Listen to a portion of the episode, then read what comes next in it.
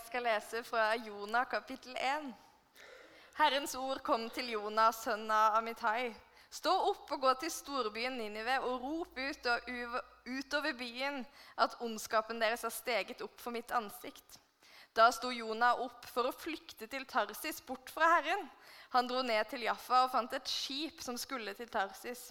Så betalte han for reisen, og han gikk ned til båten. Han ville være med til Tarsis, bort fra Herren. Men Herren kastet en mektig vind ned over havet, og stormen ble så sterk at skipet holdt på å bli knust. Sjøfolkene ble redde, og hver mann ropte til sin gud. Lasten som var om bord, den kastet de på havet for å lette skipet. Men Jonah hadde gått ned, u, eh, ned under dekk og lagt seg og var falt i dyp søvn. Kapteinen kom bort til ham og sa, 'Hva er det med deg? Sover du?' Stå opp og rop til guden din. Kanskje guden vil huske på oss, så vi ikke går under. Mennene sa til hverandre, la oss kaste lodd, så vi kan få vite hvem som er skyld i denne ulykken som har rammet oss. De kastet lodd, og loddet falt på Jonah. Da sa de til ham, fortell oss nå hvem som er skyld i at denne ulykken har rammet oss. Hva slags arbeid har du? Hvor kommer du fra? Hvilket land er du fra? Hvilket folk tilhører du? Han svarte, 'Jeg er hebreer og frykter Herren himmelens Gud, som har skapt havet og det tørre landet.' Da ble mennene grepet av en stor redsel, og de sa til ham, 'Hva er det du har gjort?' For de visste at han hadde flyktet bort fra Herren. Det hadde han fortalt dem. 'Hva skal vi gjøre med deg?' sa de, kan, eh, sånn at havet kan falle til ro omkring oss. For stormen på havet ble sterkere og sterkere. Han svarte, 'Løft meg opp og kast meg i havet, så vil det slutte å rase.' For jeg vet at det er min skyld at den sterke stormen har rammet dere. Mennene rodde på for å komme tilbake til land, men de greide det ikke, for det stormet sterkere og sterkere mot dem på havet. Da ropte de til Herren, 'Herre, la oss ikke gå under fordi denne mannen mister livet.' 'La ikke uskyldig blod komme over oss, for du, Herre, har gjort som du ville.' Så løftet de Jonah opp og kastet ham i havet. Da holdt havet på eh, opp å rase og ble stille. Mennene ble grepet av stor frykt for Herren. De ofret slakteoffer til Herren og avla løfter. Hele bøylen gikk i stykker, så det var jo nydelig. Det gikk rett vest med hele greia, og det heter jo denne taleserien òg Rett vest. Hvis jeg taler dårlig, så svarer jeg på tittelen her i kveld. Grunnen til at vi har kalt serien Rett vest, er fordi Jonah var kalt til å reise østover. Amerikanerne regnet ut ca. 550 miles. Og, og, så setter han seg på et skip rett vest for å reise 2500 miles, altså fem ganger lenger, vekk fra Gud. Derfor rett vest. Dette er ei bok som har fire kapittel. Derfor skal vi ha fire taler i denne serien. Og så lurer du hvor, Jonah-boken, hvor er nå det igjen? Det er rett etter Obadja. Okay? Rett etter Obadja, Så finner du veldig mye lettere fram. Med tidsperioden er rundt 785 til 750 før Kristus, med i Nordrike der kong Jero, Jeroboam den andre var konge. Han var en av de verste kongene i hele Israels historie. Og så er det mange som lurer på denne boka, hvem var den skrevet av? Og så er de ikke helt enige. Men mange tror kanskje var det Jonah. Og jeg håper det var Jonah, fordi da gir det håp. For Jonah er ikke den enkleste fyren å ha med å gjøre. Han er litt sur og grinete og har ikke lyst til å gjøre Guds vilje og kjefte på Gud når han er god. Jonah er en bondeknøl. Skikkelig bondeknøl som har lyst til å være i fred, lyst til å surmule, ha det litt sånn kjipt. Klage på strømregningen og bensinprisene og all slags hestemøkkavgiften og alt som var på den tida der. Og så kommer Gud og forstyrrer alt i sammen. Og Vi skal gjennom disse fire eh, eh, torsdagene se på forskjellige ting. I dag, i dette kapitlet som Rebekka leste ifra, så leste hun fram til det siste verset. Spark godbiten, for der kommer det en hval. Eller en fisk, som det står. Blup, og så bare føre. Og folk alltid når de tenker på Jonas, så var det noe med denne store fisken. Vi kommer tilbake til det til slutten av talen, og jeg kan si et par ord om den fisken òg. Så når jeg skulle sette en eh, overskrift for denne talen, så kunne det vært du kan løpe, men du kan ikke gjemme deg. Eller på amerikansk You can run, but you cannot hide. Eller hvordan får du Guds oppmerksomhet før han sørger for å få din? For han sørget for å få hans. Og så tok vi rett vest. Dette går rett vest. Og så er det noe positivt her som ligger under hele Jonah. Det er at du kan leve i tråd med Guds vilje med hele livet ditt. Og Gud kan kalle en bondeknøl Jeg kommer fra Jæren, jeg vet hva det er for noe. ok? Gud kan kalle en bondeknøl Jeg kommer ikke fra gard, jeg kommer fra byggefelt, men jeg kjenner noen. Ok? Og når Gud har en plan, så kan han bruke deg til sin plan. Og i, i, dag skal jeg gå gjennom ti punkter, så det kommer til å gå litt under svingene her. Snakke litt fort av og til, så det går veldig bra. takk og lov. Vi kjører på. For det handler om å finne den misjonen Gud har for livet ditt. Og Jeg har skrevet livsmisjon, men av og til så har Gud en sånn liten greie. En ting Gud bare hvisker, det må du gjøre. Og du er sånn No way. Du trenger å tilgi den. Aldri i livet om jeg skal tilgi. Og du trenger å gjøre opp med dem. Du trenger å si unnskyld til dem. Du trenger å be om tilgivelse der. Du trenger å, å melde deg frivillig der. Og du bare mm, mm, mm. Så min livsmisjon det kan være det store kallet, som Jonah. Reis der. Og det kan være disse små tingene som du vet bare Gud hvisker til deg om igjen og om igjen, og du er ikke helt der. Så eh, Og litt sånn eh, Det blir veldig bad, og så blir det veldig bra. Akkurat sånn som kapittelet. Mitt livs misjon kommer fra Guds ord. Hvor finner jeg Guds kall over mitt liv? Hva vil Gud jeg skal gjøre?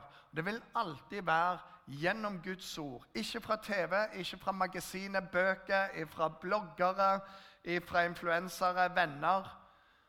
Det kommer fra Guds ord. Og er det ikke fra Gud, så vil du aldri få lov å bruke alle de talentene. Kommer de fra Gud, så vil han bruke og, og ekspandere det. For du er lagd for å følge Guds visjon med ditt liv. Du er lagd for det, du er skapt for det. Meninga med livet, spør mange, det er å koble seg på Gud. Koble seg på Gud og hans plan for ditt liv. Du vil aldri finne en større mening med livet. Ja, hva er nå det? Følg Jesus. Det er hans hans misjon for ditt liv. Og så vil han av og til hviske ting. Og det er små og det er store ting. med følg. Og så er det ingenting Vi som prøver å leve dette livet, kan si det er ingenting som gir deg mer tilfredsstillelse enn når du merker nå er jeg der med Gud. Og han vil tale til deg gjennom Bibelen og aldri på tvers av Bibelen. Gud kaller deg aldri til noe som Bibelen sier mm, mm, mm til. Det er bare tull når folk sier Gud kaller meg til det og det. Det gjør han ikke, og det kan jeg si, fordi det er ikke i tråd med hans ord. Gud vil alltid være i tråd med sitt eget ord. Så hvis du ønsker da å leve mer av dette, les Bibelen hjemlig på egen hånd. Bibelen, la den få lov å fylle deg hver eneste dag. Litt og litt. Og Etter hvert så vil du merke at den preger hjertet ditt og den preger tankene dine. Og det er utrolig bra. Og Som vi ser i denne teksten, så vil mitt livs misjon kreve et steg i tro. Det er alltid sånn når Gud kaller oss, så blir det litt ubehagelig. Eller så trenger ikke Gud å kalle deg. Hvis du lever alltid i tråd med Guds ord, du gjør alle disse tingene, så er det greit, så er det rolig og så er det bra. Men med en gang Gud sier du, 'jeg vil noe', så vet du at det betyr trøbbel. Og som regel når Gud kaller, så er vi sånn hva som helst, Gud, bare ikke det du kaller det. Og det er i denne teksten òg.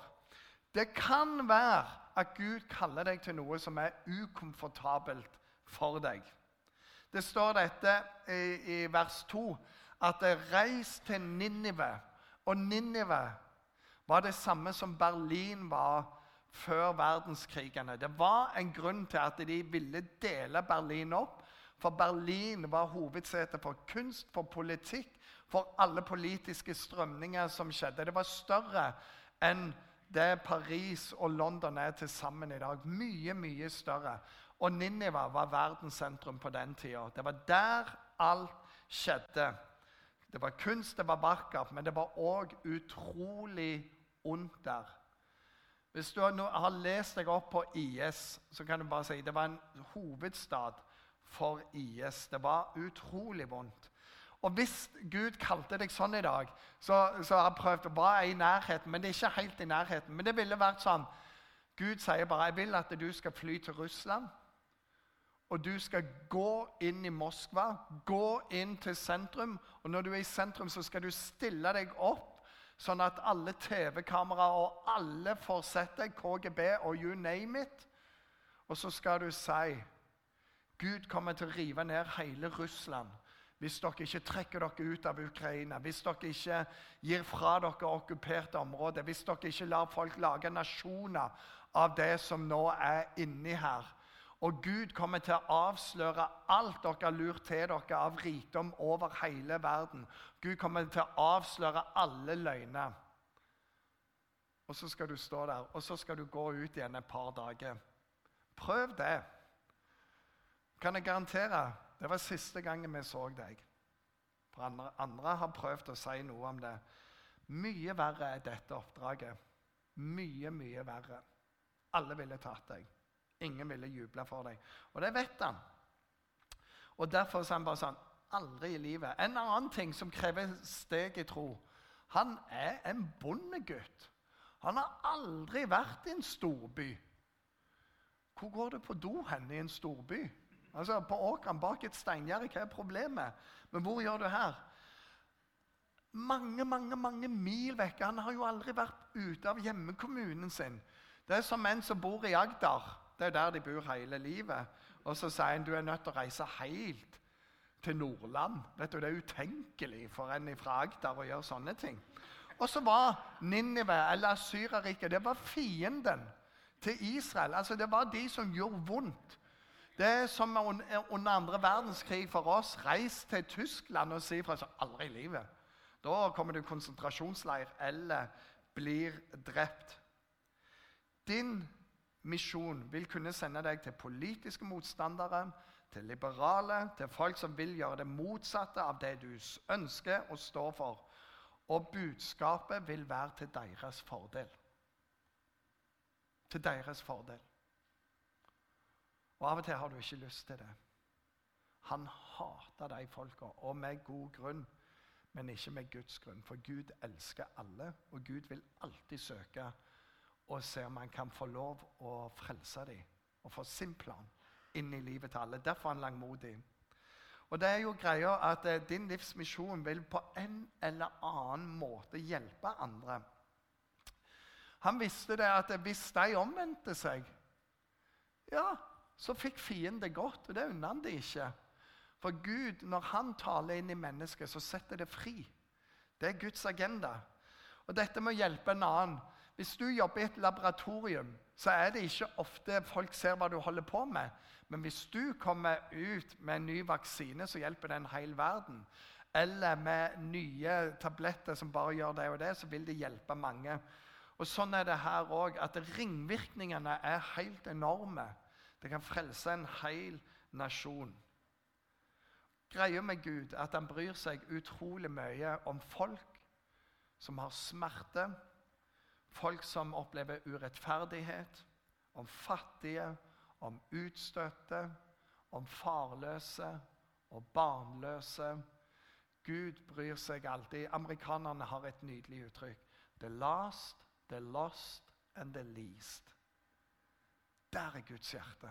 Banker alltid og vil sende folk. Så det vil hjelpe andre. Men det kan skremme meg i starten. Gud elsker byer, men han hater urett. Gud er tålmodig med folk, Gud er tålmodig med deg, Gud er tålmodig med meg. Men alltid så fins det en strek. Alltid fins det en strek. Men han vil hjelpe de andre. Det kan skremme meg. Hvorfor?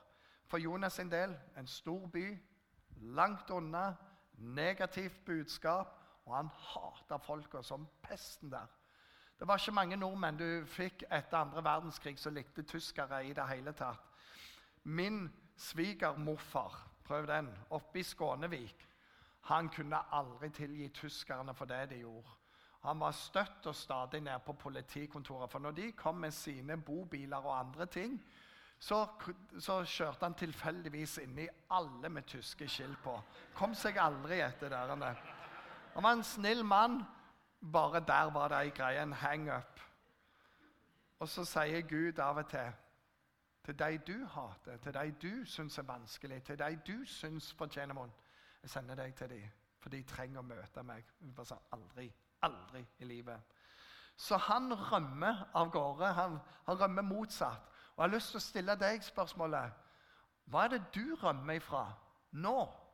Hva er det i ditt liv som du vet du er kalt til, eller du vet du må gjøre opp, eller du er nødt til å fikse, så du bare rømmer ifra? Hva er greia i ditt liv? Og hva er det som får oss til å rømme? Det er én ting overalt, og det er frykt. Frykten får oss til å rømme. Hva om? Hva om det ikke funker? Og vi kan flykte fra ting. Fortid. Vi kan flykte fra folk. Studentalder, nydelig. Komme til en ny by, by prøve å begynne på ny. Du setter ikke strek. Du går gjennom en prosess. Og så lar du Gud helbrede deg. Og det kan være utrolig vanskelig. Er det forventninger som du rømmer ifra? Er det Gud? Er det foreldrene dine? Hva er det Gud har sagt du skal gjøre, men som du fortsatt driver og rømmer fra?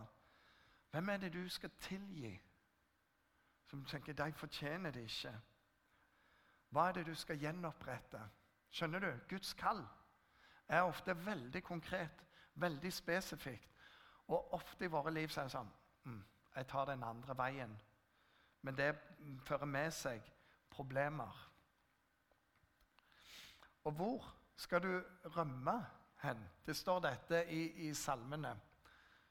Få det opp her. Så sånn. Hvor skulle jeg gå fra din pust? Hvor skulle jeg flykte fra ditt ansikt? Stiger jeg opp til himmelen, så er du der. Legger jeg meg ned i dødsriket, så er du der. Tar jeg på soloppgangens vinner og slår meg ned med havets ender, ja, da fører din hånd meg også der. Din høyre hånd holder meg fast. Jeg kan si, la, lyset, nei, la mørket skjule meg, og lys omkring meg bli som natt. Men mørket er ikke mørkt for deg. Natten er lys som dagen, og mørket er som lyset. Du kan løpe fra Gud resten av livet ditt, men han vil være der. Åpenbaringsboka står Se, jeg står for døra og banker på. Det er så langt du klarer å jage Gud ut av livet ditt. Rett på utsida av døra står han og sier, 'Kan jeg få lov å komme inn?' Kan jeg få lov å helbrede deg? Kan jeg få lov å lede deg? Kan jeg få hjelpe deg? Sånn at det ikke er såret som definerer deg, men at det er min misjon. Det kan skremme deg, men jeg kan ikke skjule meg for Gud. Å flykte fra Guds visjon med livet mitt, det forårsaker negative konsekvenser. Vi leser det i teksten. Og I denne teksten her så er det fire ting som vi ser bare skje. Det første når jeg løper fra Gud, så vil det gå i nedoverbakke og nedoverbakke og videre nedover og videre nedover. Hvis du tar et studie, altså rett etter Obadja kom med Jonah, og så leser du alle plasser der det står 'ned', så er det helt utrolig. Han gikk ned til Jaffa, han gikk ned i båten, han gikk ned unna. Det gikk bare ned og ned og ned, og ned, og til slutt så ligger han på havets bunn. Han kan ikke komme lenger ned enn det. Når jeg løper fra Gud, så går livet nedoverbakke. Når jeg løper fra Gud, så vil det koste meg noe. Det koster meg utrolig mye. Jonah i kapittel 1 vers 3 så står det han setter seg på en båt. Han skulle reise så langt, den retningen. Og så sier han nei, nei, jeg reiser så langt, den retningen. Det koster fem ganger så mye å rømme fra Gud for han som å følge Guds plan. Men han var livredd for livet sitt. Og det, det skjønner jeg jo. Skjønner det veldig godt. Men det koster utrolig mye. Skal østover, søke så langt vekk som mulig. Det er litt sånn hvis du er her, og så tenker du skal til Nordkapp, så sier jeg nei, er du galen? Nordlendinger det er jo livsfarlige folk. Så setter jeg, var det Kapp det gode håp? Var det det du sa? Ned helt til sør i Afrika? Vi tester det heller. Samme type greier der. Du betaler en pris hver eneste gang du flykter fra det Gud sier til deg. Du betaler ryktet ditt, og du betaler relasjoner. Og du betaler så utrolig mye i det. Renheten din, verdiene dine. Hør, det fins tilgivelse for synd, men det du trenger å vite, at synd skaper sår. Synd skaper arr. Synd forårsaker uopprettelige ting i relasjoner. Synd er ikke noe du leker med. Nei, Gud tilgir alt. Ja, det gjør han hvis du omvender deg. Men du vil ha arr som går igjennom livet. Så ikke lek med det. Det betaler Det koster veldig mye. Og den tredje tingen Når jeg løper fra Gud, så viser denne teksten her at Gud vil motsette meg. Altså, Han vil være mot meg. Det står Gud står den stolte imot, men den ydmyke gir han nåde. Og I denne eh, teksten så står det Gud sender en vind. Kom med en vind. Hvorfor sender Gud en vind?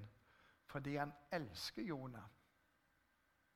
Han vil at han skal gjøre noe. Han vil han skal erfare det som skal skje seinere.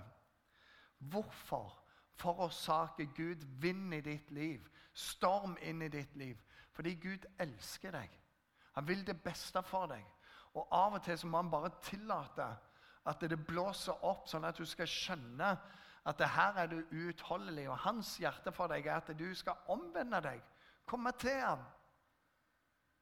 Komme til ham og si 'Her er jeg', så han kan sende vind inn i livet ditt.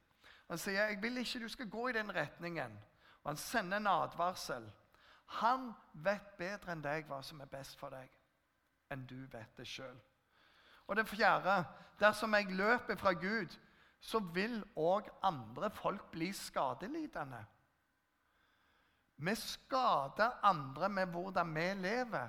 Det er ikke bare oss sjøl. Uskyldige vil lide pga. min flukt. Her så får vi se eh, dette båtfolket. Alle kommer i samme storm.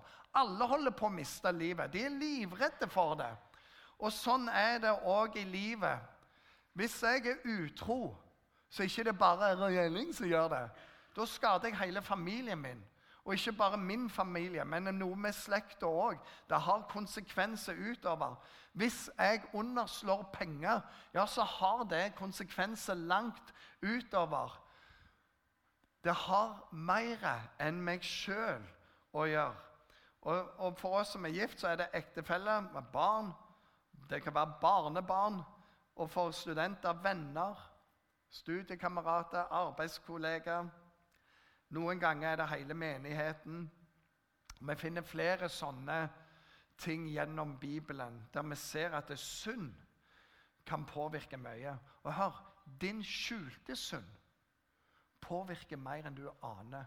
For mange av oss har en skjult synd. Ja, men det er bare jeg. Det er bare jeg som ser på porno ødelegger ganske mye. Det forsker ekstremt mye på hva det gjør med hjernen, hva det gjør med tankene dine, og hva det gjør med evnene dine på det seksuelle området. Det påvirker fremtidige relasjoner, og det påvirker utrolig mye. Ja, men det er bare privat jeg gjør sånn og sånn. Det påvirker mye mer enn hva du gjerne tror. Så Tenk på det. Hvem skader jeg med min synd? Hvem andre enn meg? De vet gjerne ikke om synden, men hvem skader jeg? Min synd er kanskje privat, men han er aldri personlig. Han påvirker hele gjengen. Og Så står det i vers 5 her at de begynte å kaste ting over bord for å redde seg. Og Når vi er på den veien, så begynner vi gjerne å kaste ting over bord. Og det de kastet over bord, det var maten. Og det var de delene de skulle reise med og tjene penger på. Alt kastes over bord, for nå handler det kun om å overleve. Så, så hva kaster du over bord? Hvilke relasjoner har du kastet? Hvilke vaner, hvilke verdier har blitt kastet over bord? For det har en konsekvens jo lenger du er i det. I vers 6 så finner kapteinen Jonah Han ligger og sover, og han sier, 'Du må be. Hedningen tror mer enn han som er troende. Han er en hebreer. Han er så stolt. Guds folk. Han ligger og sover. Og Av og til så er det sånn at alle de andre rundt deg merker at det, det er noe galt. Og du er den eneste som ikke vet om det. Det er som han som kom til England og kjørte, skrudde på radioen. Og så hørte han på radioen Attention, attention, there's a maniac driving on the wrong side of the road. Og han tenker en, det er alle kjører på feil side her. Jeg må styre unna hele tida. Litt sånn på den måten der. I vers 7 så sier de denne stormen er uvanlig. Hva betyr det? De skjønner at det er noe åndelig her. De er vant med storm, men de skjønner at nå er det noe åndelig. Og de begynner å kaste lodd imellom seg. I vers 8 så ser du Nei, det er meg. Det er jeg som rømmer fra Gud. Og I vers 9 og 10 så blir de, blir de sjokka. Hva som feiler deg? Rømmer du fra Gud? Er du galen i hodet, sier de. De tror ikke på Gud, men de bare sånn Du gjør bare ikke det. Vi holder på å dø av din flukt. Så det påvirker andre. Og igjen hvem skader jeg med min synd? Hvem har det vondt pga. mine valg? For det sjette så er det sånn jo lenger jeg rømmer fra Gud, jo verre blir det. Tøft år. Tøffe år. Helt til jeg våger å overgi meg til Gud. Fullt og helt. Gi Han alt. Og det å overgi seg til Gud, det krever et steg. Jeg har møtt så mange ja, men jeg trenger bare et sånn utrolig bevis. Og sier du sliter big time. Er ikke det big nok bevis? Våge å ta det steget og si ok, jeg velger å tro på deg. Jeg velger å ha tillit til deg. Jeg velger å høre denne indre stemmen som taler inn i min samvittighet. Det er ikke behagelig, men jeg velger det, for at du trenger ikke mer tøffe år. Du vet ikke hvilke stormer som kommer. Det eneste trygge i stormen er faktisk å overgi seg til Gud. Det står i vers 11 Hver storm, tøffere sjø. Og La meg spørre deg, hvor mye røffere må det bli i dine relasjoner, i jobben din, der du er, med tingene dine. Hvor mye røffere må det bli før du kapitulerer? For du bestemmer ganske mye om hvor bad det skal være egentlig. Rømme fra eget liv, fra eget ansvar, fra relasjoner. Som pastorer så får vi av og til samtale. Det stormer så mye i livet mitt. Jeg forstår ingenting. Og svaret er egentlig det samme hver gang. Overgi deg og overgi det til Gud. Få han inn i dette. Og så Jeg inviterer deg inn i alt dette, Gud. Og så vil du oppleve noe av det som de opplever her. Boom! Så skjer det en endring. Så slutt å gjøre opprør mot Gud, mot Guds vilje, mot Guds ord, og bøy deg. I vers 12 så sier han det er min skyld. Alltid sammen. Er det din skyld at andre har det fælt nå? Er det det? Og Så prøver de å løse det på egen hånd i vers 13. Men så overgir de. De kan ikke snu båten, og de prøver hardere. Og Det er det vi òg gjør. Når vi merker dette ille, så bare tar vi hardere og hardere. og hardere. i. Vi bare fikse dette. Jeg kan ikke komme med Gud. Hvis du har gjort en synd, så er det ofte sånn Jeg kan ikke komme til Gud med det, så jeg skal fikse det sjøl. Og mange av oss vet hvordan det pleier å gå det blir jo bare verre. Altså bare så, ah, men 'Dette kan jeg ikke bry Gud med.' Jo! For når vi fikser opp i ting sjøl, så pleier det å bli litt mer kaos. Gi det til han. Det syvende punktet. Dersom jeg kjemper mot Guds plan, så vil ikke det å prøve hardere fungere. En sa det sånn Når du bokser mot Gud, så må du bare vite at han har veldig mye lengre armer enn deg. Kom igjen, du. Få det ut. Å, det er søtt. Kom igjen. Ok, jeg er jo snart ferdig nå. Kan jeg få lov å bry meg om deg? Og av og til må du svette alt. Og sier, kom, nå tar vi bare Der var du, ja. Lille gutten min. Eneste håp for frelse er, som amerikanere sier, let go. let God. Gi slipp på det, og la Gud slippe til. Åtte. Vi må speede på her. Når jeg gjør det Gud vil, så eh, vil ting roe seg ned. Vers 14 og 15 så står det at det seilerne, barske sjømenn, de har grått til sine guder, men nå gråter de innenfor Guds åsyn. De ofrer til ham. Det er helt enormt. Guds hensikt med deg er større enn den stormen som du går gjennom akkurat nå. Han har store ting for deg, men du må kanskje være i en storm for du, fordi Gud trenger å få deg inn. Kom igjen. Bli med. De ga det de hadde i Guds hender, og alt roer seg ned. Det vil roe seg ned. Og niende punktet er det når, når jeg gjør det Gud vil, så vil nye folk komme til tro. Disse sjøfolka de begynner å tilbe Gud når de ser hva som skjer. Det er ingenting som er så sterkt, syns jeg, når barske mannfolk med tatoveringer og snuslipp og halv, halve munnen full av tenner og litt sånne ting står og lovsynger Gud. Det er så sterkt. Hver gang. Å være på sånne mannskonferanser eller Mannsviken, og vi har lovsang, og det er bare mannfolk Og da vi 'make a joyful noise to the Lord', for det er alltid femstemt. Uansett hva vi prøver. Ah, det er ingenting som er så vakkert som det. Og det er ingen dames øre, så da gir vi på liksom, med det vi har, og det vi ikke har. Og greia er dette kan gjelde ditt liv òg. Når du overgir deg til Gud, når du gjør det som du skal, det som er smertefullt og vanskelig, så vil andre komme til tro. For de ser hva Gud gjør i livet ditt og gjennom livet ditt. Når jeg tar et steg i tro, når jeg våger å gjøre det jeg frykter, så skjer det noe. Når du slutter å rømme ifra Ja, hva er det du rømmer ifra? Og Det siste punktet er dette her. Når jeg aksepterer Guds misjon, så viser Gud meg nåde. Gud vil ikke straffe meg. Gud vil ikke gi meg leksjoner.